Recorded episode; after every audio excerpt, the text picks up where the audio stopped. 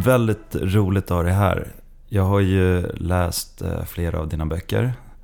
Um, innan jag ens visste vem du var så läste jag bland annat Monster. Som är en väldigt häftig bok där du träffar seriemördare runt om i världen. Just Jag blir alltid lite ambivalent när någon berättar så. Att de har läst den boken utan att veta vem jag är. Då tänker jag, vad fick du för intryck av mig egentligen? det är en ganska speciell bok. Det var en ganska speciell tillvaro jag levde då. Som jag eh, inte skulle gjort om jag visste om allt jag skulle uppleva på förhand. Men i efterhand så tycker jag att det var viktiga lärdomar. Mm. Hur men, vad, vad var det du upplevde som, du, eh, inte, som fick dig att känna så?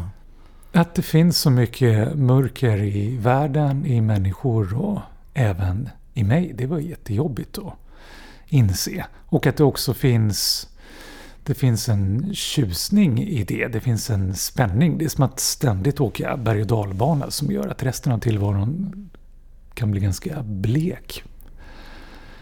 Men det var nyttigt att inse det. Mm. Dels för att då förstå och, och påminna mig om hur viktigt det är att jobba på ljuset som balans. Inte blunda för att det finns mörker i alla.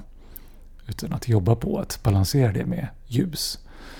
Och också förstå hur förföriska och förrädiska kickar är det här berg och sökandet. Ja, och, och, det är faktiskt en, en, en tanke som jag haft också. För att nu, efter jag läste den boken så har jag läst fler, eller bland annat Nextopia som du har skrivit. Jag var här på din eh, föreställning som du Just har nu det. som heter Föreställningen om lycka. Mm. Tack för det, väldigt och, kul. Och, och, och, den var ju fantastisk, måste jag säga. Och det som slog mig var att oj, vad du har varit med om kickar. Alltså du har träffat de fem största seriemördarna i världen. Du har stått på Dramaten och hållit en föreställning med Johan Ulveson. Mm. Du har... Alltså, vad är nästa steg för dig? För du, du pratar om de här berg och dalbanorna, men mm. framåt då? Hur ska du kunna toppa de här kickarna? Ja, det, det, är ju den värsta frågan jag kan ställa mig själv. Ja. Hur ska jag toppa de här kickarna? Det är ju det säkraste sättet att inte lyckas göra det. Att göra en form av prestation av någonting som ju ska vara en njutning.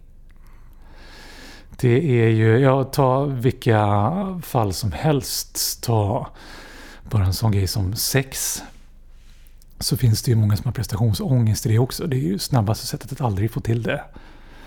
För att ta ett väldigt konkret mm. exempel. Så. Men, ja, verkligen, verkligen. Nej, men så det är någonting jag faktiskt också påminner mig om. Att inte tänka, hur ska jag toppa det här? Vad är nästa stora grej? Hur ska jag bli glad, lycklig, spännande nu? Mm. Utan att tillåta mig själv att vara öppen och bli överraskad.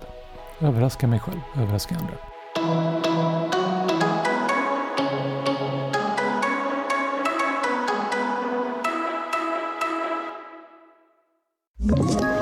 Ett poddtips från Podplay. I fallen jag aldrig glömmer djupdyker Hasse Aro i arbetet bakom några av Sveriges mest uppseendeväckande brottsutredningar går vi in med hemlig telefonavlyssning och, och då upplever vi att vi får en total förändring av hans beteende. Vad är det som händer nu? Vem är det som läcker? Och så säger han att jag är kriminell, jag har varit kriminell i hela mitt liv men att mörda ett barn, där går min gräns. Nya säsongen av Fallen jag aldrig glömmer på Podplay.